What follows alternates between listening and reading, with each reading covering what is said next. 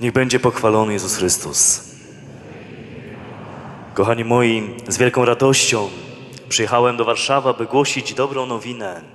W tym szczególnym czasie Adwentu, który jest czasem oczekiwania na przyjście Pana, na przyjście Boga. Nie ma nic ważniejszego dla nas, jak spotkać się z Bogiem tak, że jestem gotowy już umrzeć. Może ci się to wydawać dziwne, co teraz powiedziałem, ale tak naprawdę o to chodzi w naszym życiu. Tak spotkać się z Bogiem, żeby być gotowym na śmierć. Kiedy żyjemy po pogańsku, to śmierć nam wydaje się czymś bardzo dramatycznym, czymś strasznym. Największą tragedią naszego życia, kiedy ktoś umiera. Kiedy ja myślę o śmierci, zaczynam się bać. Zaczynam widzieć w sobie pogański styl myślenia o śmierci. A przecież dla chrześcijanina śmierć jest najpiękniejszym wydarzeniem życia, do której nieustannie się przygotowuje każdego dnia, każdego tygodnia, każdego miesiąca, każdego roku. Śmierć jest wydarzeniem zaślubin z Bogiem na całą wieczność. Z tym, który umiłował mnie od zawsze, od wieczności. Tym, który nosił mnie pod swoim sercem, zanim moja mama nosiła mnie pod swoim sercem. On już sobie mnie wymarzył, upragnął, wytęsknił.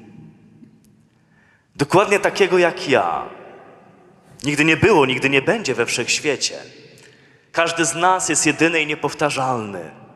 Każdy z nas jest oczkiem w głowie Ojca Niebieskiego, który patrzy na Ciebie nieustannie, z największą miłością i zachwytem. I chrześcijaństwo to jest nieustanne zapatrzenie się w Niego, aby chłonąć Jego miłość i być nieustannie stwarzany na nowo przez Jego miłość do mnie.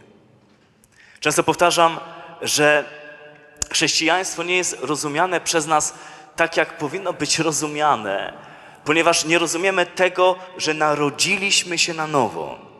A powinniśmy bardziej powiedzieć, narodziliśmy się na nowo, będąc nieustannie stwarzanymi na nowo przez Boga. Wieczność jest naszym domem. Przychodzimy z wieczności i wracamy do wieczności. Jesteśmy dziećmi wieczności. Dlatego im bardziej wchodzimy w świat Boga, tym bardziej zanurzamy się w wieczność i tym bardziej zaczynamy tęsknić za naszym domem. Naszym domem jest wieczność. Zobaczcie, że im bardziej wchodzimy w intymność z Bogiem, tym trudniej nam odnaleźć się na tym świecie. Dlatego, że my nie należymy do tego świata. Nie jesteś z tego świata. Musisz cały czas mieć tą świadomość. Nie jestem z tego świata. Jestem na tym świecie na krótki czas. Po co? Po to, aby objawić Jego miłość. Ewangelia nie jest po to, aby Bóg dał mi coś, o co Go proszę. Żyję sobie tutaj na ziemi, mam różnego rodzaju pomysły na swoje życie. Zaczynam chodzić do kościoła, modlić się, mówiąc: Boże, ja dam Ci modlitwę, a Ty daj mi to, to, to, to i to. Niektórzy redukują chrześcijaństwo do paciorka rano i wieczorem, zjedzenia rybki w piątek zamiast mięska, pójścia do Bozi w niedzielę i odfajkowane obowiązki religijne. Kochani, tak często trzeba sobie uświadomić, że to, co myślimy o wierze, nie ma nic wspólnego z tą wiarą, o której mówi Ewangelia. Ktoś powie, proszę księdza, ale ja naprawdę wierzę w Boga. Otwieram Słowo Boże i czytam, że szatan też wierzy w Boga. Co więcej, jest pewien, że Bóg jest. Drży przed Jego majestatem. Ale co z tego? Jest w piekle. Znam mnóstwo ludzi, którzy mówią: Ja wierzę w Boga, ale żyją w swoim osobistym piekle. Piekle swoich nałogów, ciężkich grzechów, piekle swojego rozbitego małżeństwa, piekle zniszczonych relacji rodzinnych, piekle zapieklonych uczuć, emocji, tego wszystkiego, co jest destrukcyjne w jego życiu. Piekle zemsty, odwetu, gniewu, wściekłości, agresji, złości, nienawiści, śmierci, agresji do samego siebie. Ale ja wierzę w Boga, proszę księdza. Skarby, to, że ja wierzę, że jest Bóg, nic jeszcze nie ma nie zmienia w moim życiu. To, że ja wierzę, że Bóg jest, ba mogę być przekonanym, że Bóg jest, nic jeszcze nie zmienia w moim życiu.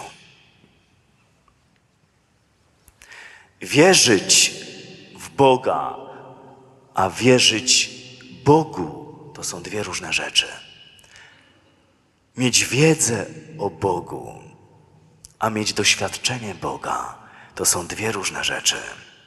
Pamiętam, jak przyszedł kiedyś do mnie pewien mężczyzna, powiedział, że jest katechetą i mówi: Proszę księdza, ja mam doktorat z teologii, ale ja nie znam Boga. Mówiliśmy wtedy na konferencji o tym, że uczeni w piśmie, faryzeusze, kapłani tamtego czasu, wiecie, to jest jeden z największych dramatów Ewangelii, że ci ludzie, którzy pięć razy dziennie się modlili, dwa razy w tygodniu pościli o chlebie i wodzie, przestrzegali 613 przepisów prawa religijnego, na pamięć znali Słowo Boże.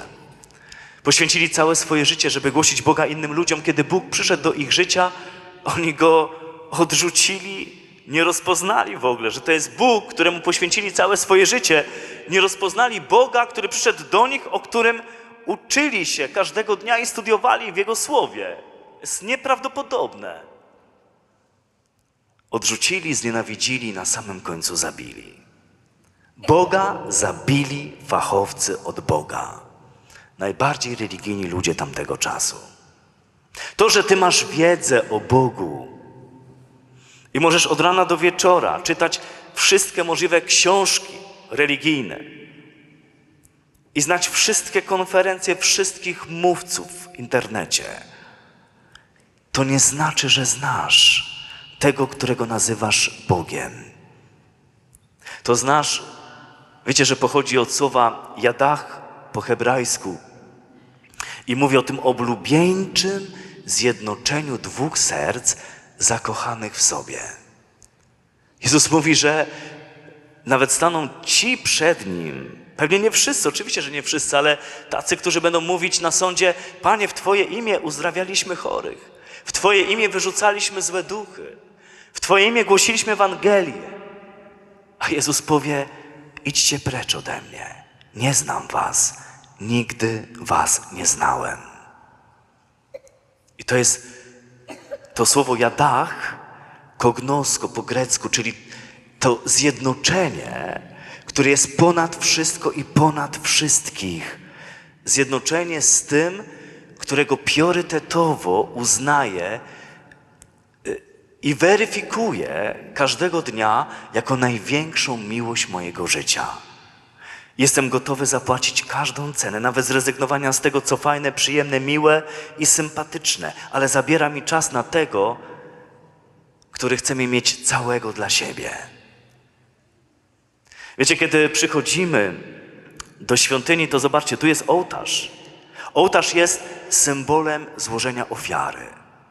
Tą ofiarą, którą codziennie składam na ołtarzu mojego życia, jest czas, który chcę poświęcić dla Boga. Dać Mu to wszystko, co jest moim najpiękniejszym jakościowo czasem.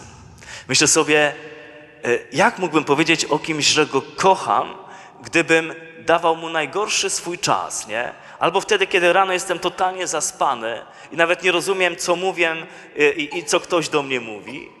Albo daję mu, rozumiesz, ostatnie e, chwile przed pójściem spać, kiedy już jestem tak zmęczony, ziewnięty i jeszcze coś tam mówię do kogoś, kogo kocham, nie? A na przykład najlepszy czas dostaje mój telewizor chociażby, albo internet, nie? Rozumiecie, to jest coś, co dzisiaj jest bardzo ważne do zweryfikowania, że miłość, zapamiętajcie tą definicję, miłość to czas, który poświęcam temu, kogo kocham. Jeśli dla kogoś nie mam czasu, znaczy, że nie kocham. Ja mogę oczywiście mówić, że kocham, ale moje życie może pokazywać, że jest wprost odwrotnie. Jeśli ja mówię do Boga, kocham Cię, a nie mam dla Ciebie czasu, skarby, to nie ma nic wspólnego z miłością. Mi się wydaje, że ja kocham. Czas, który poświęcam temu, kogo kocham. Dzisiaj mówię szczególnie w kwestii przestrzeni mass mediów, bo dokładnie wiecie, jaka walka toczy się o to, żeby oderwać się od tego telefonu, oderwać się od tego telewizora, oderwać się od tego internetu. I wcale nie jest łatwo. Powiem Wam szczerze, że jak miałem tu Face'a e, i różne inne portale, y, to zacząłem się łapać na tym, że, że co chwilę biorę telefon, wiesz, i sprawdzam. W sumie nie wiem, co ja sprawdzam, po prostu sprawdzam coś, nie? Co tam się dzieje. Kurczę, jadę samochodem, yy, dojeżdżam do świateł, czerwone. Telefonik i sobie sprawdzam, co tam. Uświadomiłem sobie, że jestem uzależniony od tego. I podjąłem decyzję, że wywalam to dziadostwo z mojego telefonu, bo po prostu to mi zabiera mnóstwo czasu. Zrobiłem sobie kiedyś taki teścik, ile minut zabiera mi takie zwykłe, wiecie, na chwilę wzięcie telefonu i sprawdzenie sobie, co tam słychać na fejsie, nie? Mówię, o nie, oddałem mojego face administratorom, niech oni to prowadzą. Ja nie chcę mieć wglądu do tego, bo to mnie jak czarna dziura pochłania, nie? A potem mówię wieczorem, panie, przepraszam cię, nie miałem dla ciebie czasu. A on mówił, Dominik, nie kochałeś mnie dzisiaj. Nie byłem dla ciebie najważniejszy. Nie wybrałeś mnie ponad wszystko i ponad wszystkich. Wszyscy mieli twój najlepszy czas. Ze wszystkimi byłeś na telefonie i gadałeś o wszystkim i czas leciał. A ja czekałem, czekałem, czekałem. Potem przyszedłeś do domu, mówisz, przecież jestem zmęczony, zasługuję na to, żeby walnąć się na wyże, włączyć telewizor i sobie poglądać mecze, poglądać sport, może jakiś fajny serial, może jakiś film i siedzisz te 3-4 godziny. Mówisz, jestem zmęczony na maksa. Jeszcze różaniec, jeszcze brewiarz został, o kurcze. I zaczynasz, nie? Atmosferę uwielbienia przez ziewanie i 30 ziewnięć w ciągu pięciu minut. I wiesz, i on patrzy na mnie i może jest mu bardzo, bardzo przykro, że na wszystko i na wszystkich miałem czas, tylko nie dla niego. Im starszy jestem, kochani moi, tym bardziej uświadamiam sobie, że najcenniejszym, co mam, to jest czas. Czas, którego nigdy nie dam rady wrócić i naprawić rzeczy, które źle zrobiłem albo których nie zrobiłem w czasie, który był mi dany. Szczególnie jeśli chodzi o miłość, nie? O miłość. Kochani moi, y, mówię o śmierci bardzo często ostatnio, nie tylko dlatego, y, w kontekście rzeczywistości, która się dzieje, ale y, wracam do mądrości świętych że oni żyli tak, jakby każdy dzień był ostatnim dniem ich życia. I wiecie, to nieustanne uświadamianie sobie, że w każdej chwili mogę umrzeć, daje mi kopa do najpiękniejszych wyborów, do przeżywania każdej chwili dnia w sposób najbardziej wartościowy. Mówię, możemy się śmiać z tych mnichów, którzy kładli swoją czachę no nie swoją, kogoś, na stole z napisem Memento Mori, pamiętaj o śmierci. Ale to pamiętanie o śmierci daje niesamowitą motywację do jak najpiękniejszego życia. Często mówię, gdybyś dzisiaj w nocy miał umrzeć, nie? Mężu kochany, i to jest twoje ostatnie 12 godzin, jakbyś wstał dzisiaj rano? Jakbyś przytulił swoją żonę, jakbyś ją pocałował, jakbyście spędzili ten dzisiejszy dzień, gdybyś wiedział, że to jest Twój ostatni dzień razem z nią. Siedziałbyś naprawdę godzinami przed telewizorem, leżał, browca popijał, patrzył na zegarek. Jeszcze trzy godziny do śmierci, ty też sobie zobaczę te, jeszcze sobie ten skrót meczu zobaczę, jeszcze zdążę, jeszcze to sobie zobaczę. Naprawdę? Rozumiecie? Świadomość tego, że w każdej chwili mogę umrzeć, daje mi pragnienie i motywację do tego, żeby każdą chwilę spędzić najpiękniej, jak potrafię. Ile byśmy grzechów nie uczynili, głupich decyzji nie podjęli, gdybyśmy mieli tą świadomość, że to może być ostatni dzień naszego życia i w nocy umrę. Rozumiecie? Tylko, że my to odrzucamy, nie chcemy o tym myśleć, bo to jest konfrontacja z prawdą o naszym życiu, które bardzo często jest po prostu byle jakie. Czas, wartość życia, którą On nam dał, rozmieniamy na drobne. Mamy żyć jako chrześcijanie, e, nosić Boga i objawiać Jego Ewangelię wszystkim. A my tracimy to, dając swój czas czemuś, komuś, co nie jest warte, żeby zabierało nam aż tak dużo naszego czasu. Powiadał kiedyś pewien żołnierz w Stanach, słyszałem jego świadectwo, jak brał udział w ogóle w wojnie wietnamskiej i inny żołnierz, dowódca tego oddziału, e, była taka sytuacja, że e, został rzucony granat i on upadł na ten granat, ten dowódca, żeby ocalić swoich żołnierzy. Szczególnie tego, który był najbliżej. Granat go rozerwał, ale ocalił tego swojego przyjaciela, który był najbliżej. I kiedy ten przyjaciel wrócił do Stanów, nie mógł sobie poradzić z tymi traumami różnymi wojennymi, z tym wszystkim, co się działo, zaczął bardzo pić, potem ćpać. E, dziesięć lat później była taka e, potężna e, defilada, gdzie honorowano wszystkich bohaterów wojennych. I jego też poproszono, żeby przyjechał na tą defiladę. Okazało się, że na tej defiladzie była też żona tego wspaniałego żołnierza, który oddał życie za tego kolegę i jego synek dziesięcioletni. Ojciec nawet nie widział synka. I stanęli obok siebie. I kiedy trwały te piękne ceremonie, on, alkoholik, narkoman, stojąc przy tym chłopcu, patrzy na niego, chłopiec płacze, patrzy na tego mężczyznę i mówi mu: Chcę ci zadać jedno pytanie. On mówi: Synku, mów, pewnie, że tak, pytaj. Jedno pytanie.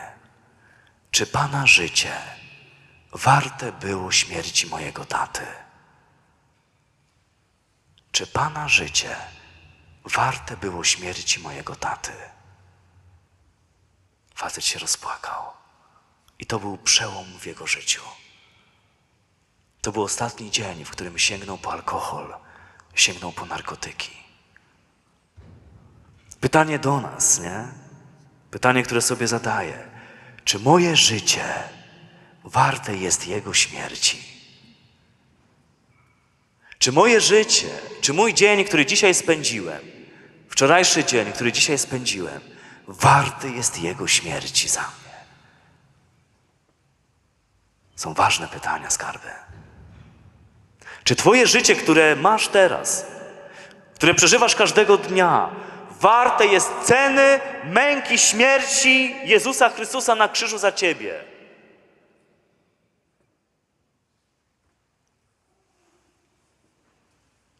Pamiętam, jak pewna kobieta zadzwoniła do mnie e, z prośbą o to, żebym spotkał się z jej synem, dwudziestokilkuletnim, który zszedł na drogę przestępczą.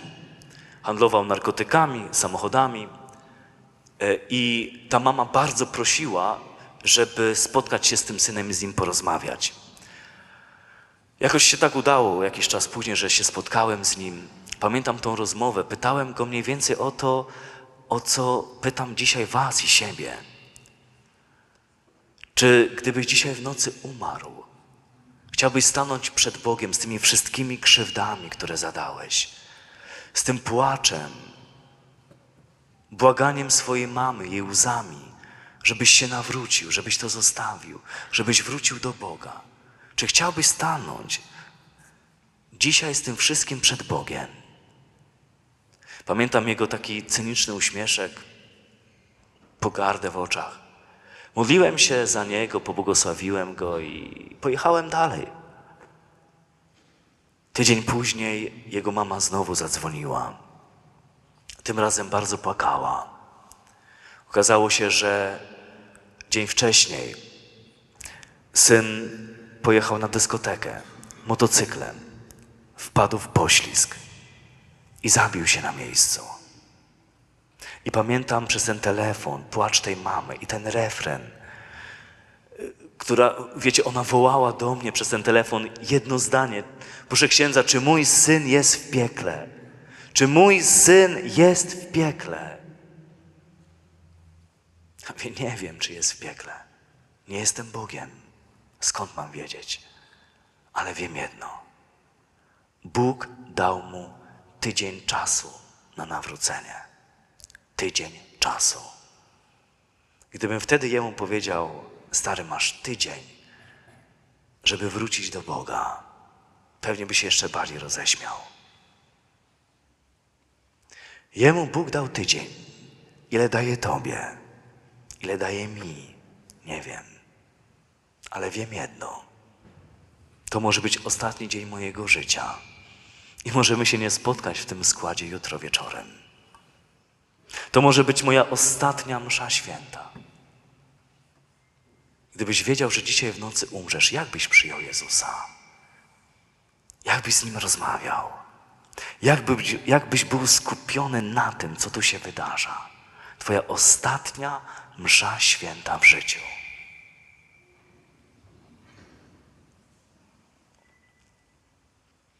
Słowo Boże nam cały czas mówi dzisiaj o radości. Mówi nam o tym przez różnych proroków, przez cały ten czas ostatniego tygodnia. Mówi nam o tym, żebyśmy w sposób szczególny zrzucili szaty smutku i nałożyli szaty chwały. Y, zastanawia mnie to, kochani, że kiedy czytam to słowo, to bardzo mocno przemówiło do mnie to, że to jest moje zadanie, które mam zrobić. Że Bóg daje mi łaskę, abym to zrobił, natomiast czy ja to zrobię, czy nie, zależy tylko ode mnie. Pracując tyle lat z ludźmi, nie mam już żadnych wątpliwości, kochani, że oprócz spektakularnych, nadzwyczajnych cudów, Bóg chce, abyśmy pracowali sami z łaską i On za nas tego nie dokona. I żaden człowiek nie dokona za nas tego, co Bóg chce w Tobie zrobić przez Ciebie i Twoje zaangażowanie każdego dnia. To ja, mając łaskę od Boga, mam moc ściągnąć z siebie szaty smutku i podjąć decyzję, aby ubrać się w szaty chwały Jezusa Chrystusa. Czasami oczywiście Będą takie sytuacje, które będą wymagały absolutnie Bożej pomocy, nadzwyczajnej interwencji Bożej. Myślę sobie o tej dziewczynie, dwadzieścia kilka lat, która e, pojechała do Anglii. Chciała troszeczkę zarobić pieniędzy, pracowała w barze jako kelnerka. I kiedy w nocy wracała do swojego domu po pracy, została napadnięta przez kilkunastu imigrantów i bardzo brutalnie zgwałcona. Obudziła się w szpitalu po kilku dniach z jedną myślą: Nie chcę żyć. Po tym, co się stało, nie chcę żyć. I pewnie by sobie odebrała życie, gdyby nie jej rodzina, która przyjechała z Polski po nią. Wrócili do Polski, ale wpadła w bardzo dramatyczny stan. Depresja skrajna, nie była w stanie ruszyć ręką, nogą. Praktycznie głodowała. Ciało umierało, bo umierał duch. Dowiedział się o tym i dawny kolega. Przyszedł do niej, aby z nią porozmawiać. Nawet nie miała siły, żeby z nim porozmawiać. Być może nawet nie chciała wtedy z nim rozmawiać, ale on przychodził każdego dnia. Przynosił jej kwiaty i starał się pokazywać piękno życia. Miał tydzień za tygodniem, miesiąc za miesiącem. I powoli zaczynało rodzić się między nimi uczucie. W pewnym momencie zdali sobie sprawę z tego, że się pokochali zaczęli myśleć o małżeństwie. W końcu podjęli decyzję o ślubie. Ślub był w bardzo kameralnym gronie i noc poślubna. I okazuje się, coś, czego ani ona, ani on nie przewidzieli. Otóż, kiedy chcieli się zbliżyć do siebie w tym intymnym zjednoczeniu męża i żony, okazało się, że trauma po tym strasznym gwałcie jest tak wielka, że jej ciało całkowicie się zblokowało na męża. Y, taki poziom lęku, paraliżującego lęku, y, połączonego z pewną złością, agresją, krzykiem, bólem, to było nieprawdopodobne. Ale on ją bardzo kochał. Wrażliwy, delikatny, powiedział, że ja poczekam. Mijały dni, tygodnie, miesiące i nie dochodziło do zjednoczenia małżeńskiego. Za każdym razem reakcja była podobna. Próba jednej, drugiej, trzeciej terapii, zupełnie bezskuteczna. I to już dwa lata. Mija od czasu ich ślubu modlitwy o to, żeby Bóg przyszedł i żeby nastąpił przełom. Wiedział jedno, że on musi być codziennie na Eucharystii, żeby miał siłę kochać, żeby miał siłę wołać do Boga o uzdrowienie jego żony i miał siłę i pragnienie być przy niej z taką cierpliwością i łagodnością, jaka ta sytuacja wymagała. Ale nie było mu łatwo. Czasami miał takie dni, że miał wszystkiego dosyć i tylko Eucharystia codzienna go ratowała. W końcu doszło do sytuacji, w której postawił wszystko na jedną kartę. Wyjechał na rekolekcje ignacjańskie. Chciał po prostu być w ciszy. Chciał postawić, wiecie, runo przed Bogiem, zagrać wabank. Albo Boże coś zrobisz, albo ja odchodzę z tej sytuacji, bo już nie mam sił dalej walczyć. Kiedy on wyjechał na rekolekcję, jego żona postanowiła skończyć ze swoim życiem. Przygotowała tabletki, napisała list. Piękny list o tym, jak bardzo go kocha, jakim jest wspaniałym mężem, jak bardzo zasługuje na niesamowitą żonę, na rozkosz doświadczenia miłości małżeńskiej, jak bardzo zasługuje, żeby mieć wspaniałe, piękne dzieci z cudowną żoną i że ona mu tego po prostu nie da żeby jej wybaczył, ale ona odchodzi.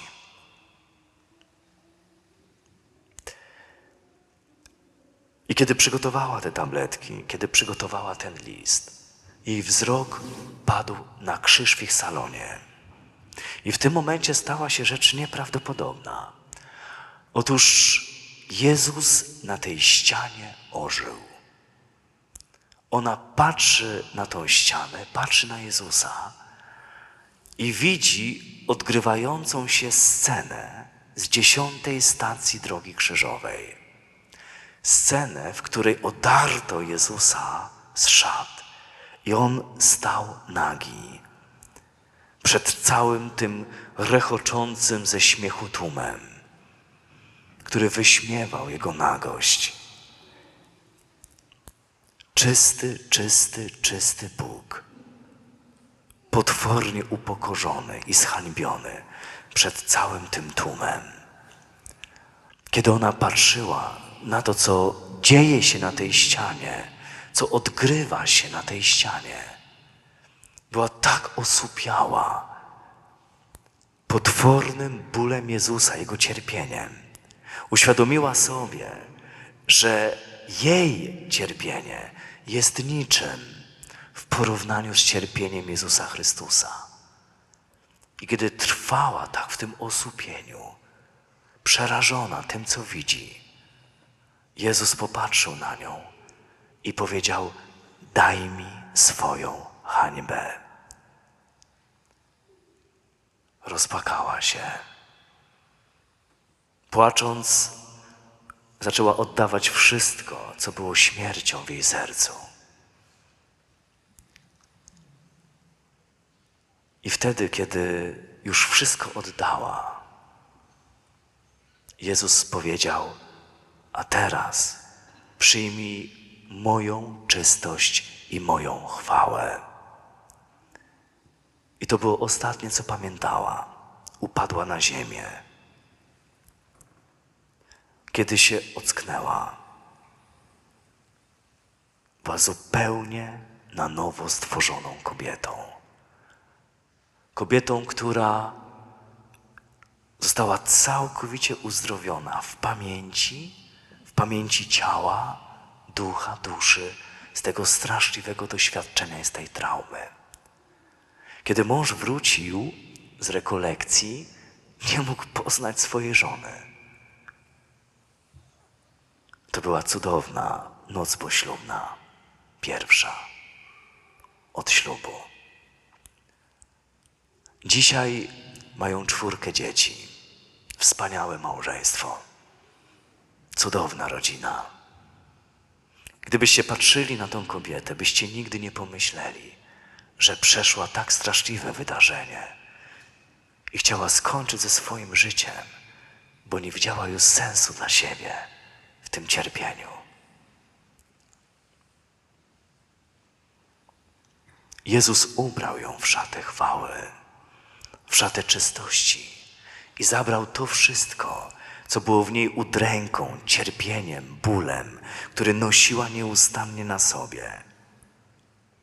Kochani moi, tylko Jezus może dać Wam szatę chwały, Bożej chwały, w którą Was przyoblecze. Tylko Jezus. Ale od Ciebie zależy, czy Ty ściągniesz to z siebie, czyli oddasz to Jemu z wiarą i zaufaniem, że On chce Ci to zabrać, bo już ma serce przepełnione i zmiażdżone cierpieniem, widząc jak Ty cierpisz, i czy Ty będziesz chciał, chciała nałożyć tą szatę chwały w zaufaniu w to, kim jesteś dla Niego, nosząc tą szatę chwały i kim jesteś, patrząc na siebie w Jego oczach, kochając siebie Jego sercem. To tylko od Ciebie zależy. Od Twojej decyzji woli, nie od uczuć, od decyzji woli, która jest ponawiana tu i teraz nieustannie. 24 na dobę. Skarby, my często nosimy te szaty smutku, dręki, cierpienia i bólu na własne życzenie. Po prostu chcemy je nosić. Chcemy tak na siebie patrzeć, ponieważ w jakiś sposób usprawiedliwiamy to, że my nic z tym nie robimy. Wyolbrzymiamy często też nasze krzywdy, nasze rany. Im więcej patrzysz na swoje rany, analizujesz swoją krzywdę, tym bardziej ona rośnie w Twoim sercu, w Twojej wyobraźni, w Twojej pamięci. I staje się po pewnym czasie taką raną, która jest jak wielka góra, która zasłania Ci wszystko, zasłania Ci życie, radość życia. Już nic nie widzisz wokół siebie pięknego, widzisz tylko tą górę smutku, cierpienia, udręki, bólu. Ale bardzo często uczyniliśmy to na własne życzenie, żyjąc krzywdą, którą nam ktoś zadał, analizując, pielęgnując urazy, żal. I trzeba teraz mieć wielką wiarę, poprosić Jezusa z krzyża o wiarę, która przenosi góry, żeby przenieść tą górę i wrzucić ją do morza. I żebyś w końcu zobaczył i zobaczyła piękno Twojego Boga, dla którego jesteś najpiękniejszym synem i córką, bez względu na bolesną historię swojego życia. Nie da rady inaczej. Niektórzy próbują to przejeść. Noszą cały czas 24 H na dobę tą szatę smutku, chwały i udręki. I myślą, że jak otworzą lodówkę i zjedzą wszystko, co jest w lodówce, to jakoś się znieczulą i jakoś będzie lepiej, łatwiej i fajniej. Ale uwierz mi, skończysz szamać ostatniego pączka, a ta szata bólu, udręki, śmierci będzie cały czas na tobie. Pączuś nie spowodował, że ona zniknie. Niektórzy próbują przespać ból, cierpienie, udrękę. Mówią, może jak się obudzę, to już nie będzie bolało. Jak się obudzę, to już tego nie będzie. Problem w tym, że się w tej szacie chwały, y, w tej szacie smutku, udręki, cierpienia kładziesz do wyra, śpisz jak się obudzisz, to ciągle w niej jesteś. Nie pomogło. Niektórzy próbują przez inne usypiacze poradzić sobie z tym.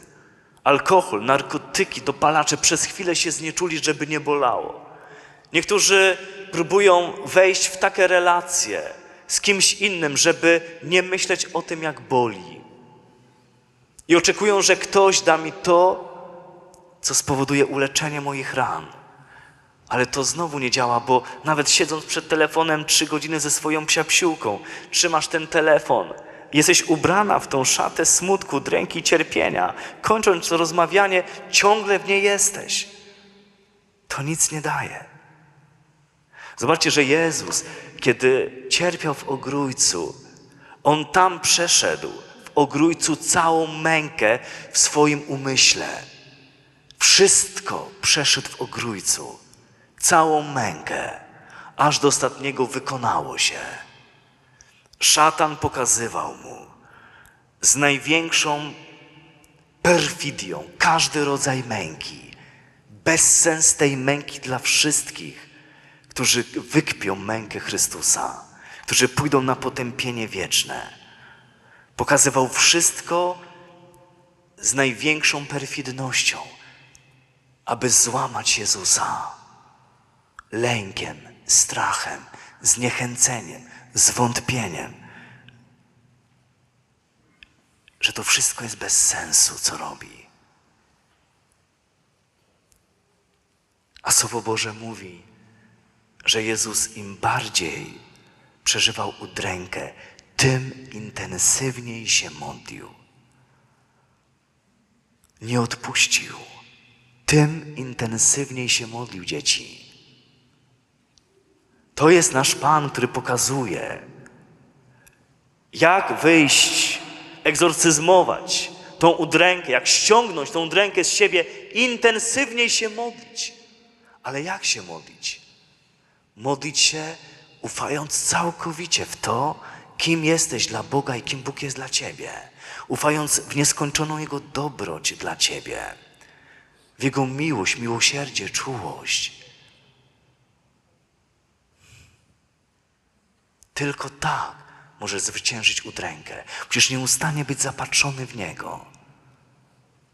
Nie jest to łatwe, bo wielu z nas modli się w ten sposób, że nieustannie jest zapatrzony w swój problem, w swoje cierpienie. I możesz od rana do wieczora modlić się, adorując Bożka swojego życia, który nazywa się cierpienie, problem, mój ból. I tak naprawdę nieustannie użalać się nad sobą, ale on nie zniknie. Nie zatopisz go w pół litra wódki. To cierpienie świetnie potrafi pływać, nie dasz rady tego utopić. Odwrócenie swoich oczu od udręki i skierowanie swoich oczu na tego, który mnie kocha, który jest wszechmocny, a nie trochę mocny, który jest Panem rzeczy niemożliwych i pozwolenie, żeby On mnie kochał, żeby Jego nieskończona dobroć i miłość teraz stwarzała mnie na nowo. Dać Mu tą przestrzeń czasu, żeby On mógł we mnie dokonywać tej najpiękniejszej operacji. Tak, będę musiał zapłacić cenę. Jaką cenę? Oglądania być może kilku godzin dziennie telewizji, siedzenia w telefonie, siedzenia na fejsie, spędzania czasu z kumplami, kumpelami, myśląc, że to jakoś znieczuli mnie w tym moim bólu i cierpieniu. Nie, On chce nas wyprowadzić na pustynię. On chce być z nami twarzą w twarz. I tam się dokonują największe, najwspanialsze cuda, kiedy nie ma świadków, kiedy jesteś tylko Ty i On, kiedy wprowadza Cię w komnatę królewską, aby mówić Ci o miłości, jak bardzo Cię kocha. I żebyś przestał się bać, bo miłość pokonuje wszelki lęk. Jestem o tym przekonany, że wiele cudów nie wydarza się tak Na trzy, cztery w życiu wielu z nas. Bo gdyby to się wydarzyło na trzy, cztery, to byśmy już przy nim nie byli. Byśmy rzucili się w szaleństwo życia i byśmy o nim zapomnieli. Bo nie wiemy, co to znaczy wdzięczność. Nie umiemy być wdzięczni w każdej chwili. Dostaniemy i zapominamy. A On chce nam dać jeszcze więcej niż nam się wydaje, ale chce nas wyciągnąć na pustynię, żeby być z nami twarzą w twarz. Każdego dnia. Każdej nocy. Odkrywam teraz, słuchajcie, niesamowitą skuteczność modlitwy w nocy. Nie wiem dlaczego tak jest. Wiem, że mój Pan wstawał wtedy, kiedy jeszcze wszyscy spali i szedł na miejsce ustronne, pustynne, by się modlić. Że On często modlił się przez całą noc. Że to jest jakaś szczególna moc modlitwy w nocy. Ostatnio kilka świadectw niesamowitych przełomów w życiu ludzi, którzy zaczęli modlić się w nocy, wstawać w nocy i modlić się. Być sam na sam z Panem w intymności nocy.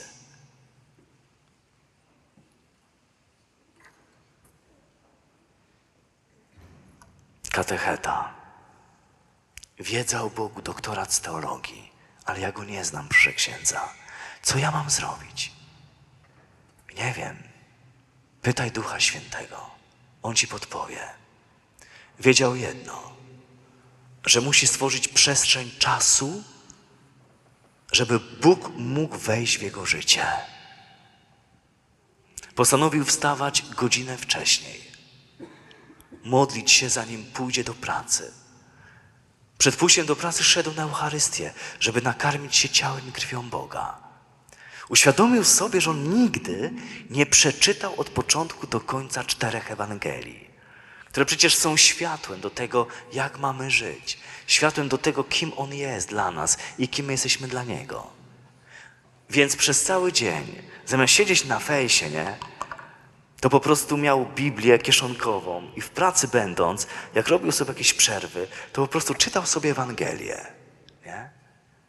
Kiedy wracał do domu, mówił różaniec. Potem maksymalnie intensywnie angażował się w życie swojej rodziny, swoich dzieci, swojej żony i wieczór. Wieczór zawsze to było siedzenie e, przed telewizorem godzinami do późnej nocy. To było mu najciężej zapłacić tą cenę. Wieczór będzie dla mojego Boga. Cisza, intymność. Y, W jego mieście była adoracja 24-godzinna, więc szedł sobie na godzinę, półtorej, nieraz dwie wieczorem, żeby adorować Jezusa i tak kończyć swój dzień. Po około trzech miesiącach kładł się spać i wtedy ktoś wszedł do pokoju.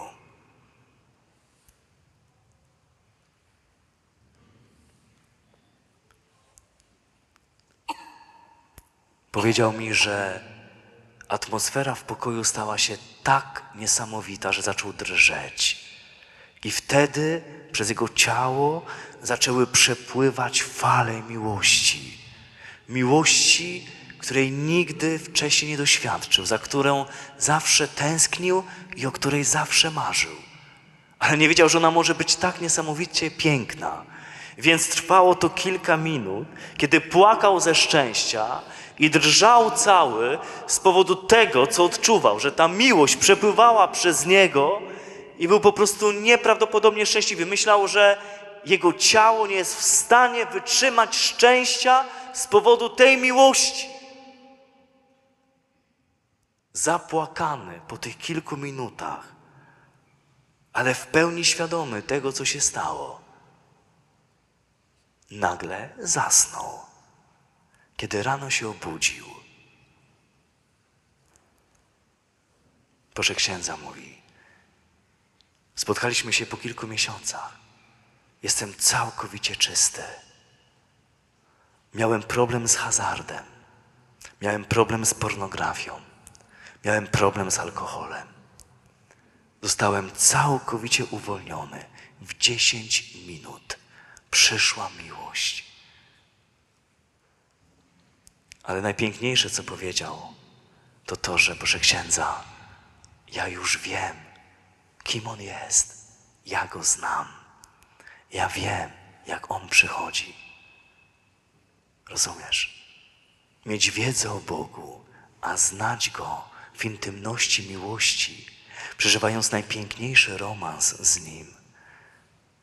O to chodzi. To jest cel naszego życia. To jest cel naszego nawracania się. I chciałbym, kochani, abyśmy przez te trzy dni zrobili wszystko, stworzyli taką przestrzeń dla Niego, żeby On mógł przyjść. Adwent, czas oczekiwania na przyjście Pana. Takie przyjście, jakiego nigdy wcześniej nie doświadczyłeś. Czy jesteś gotowy?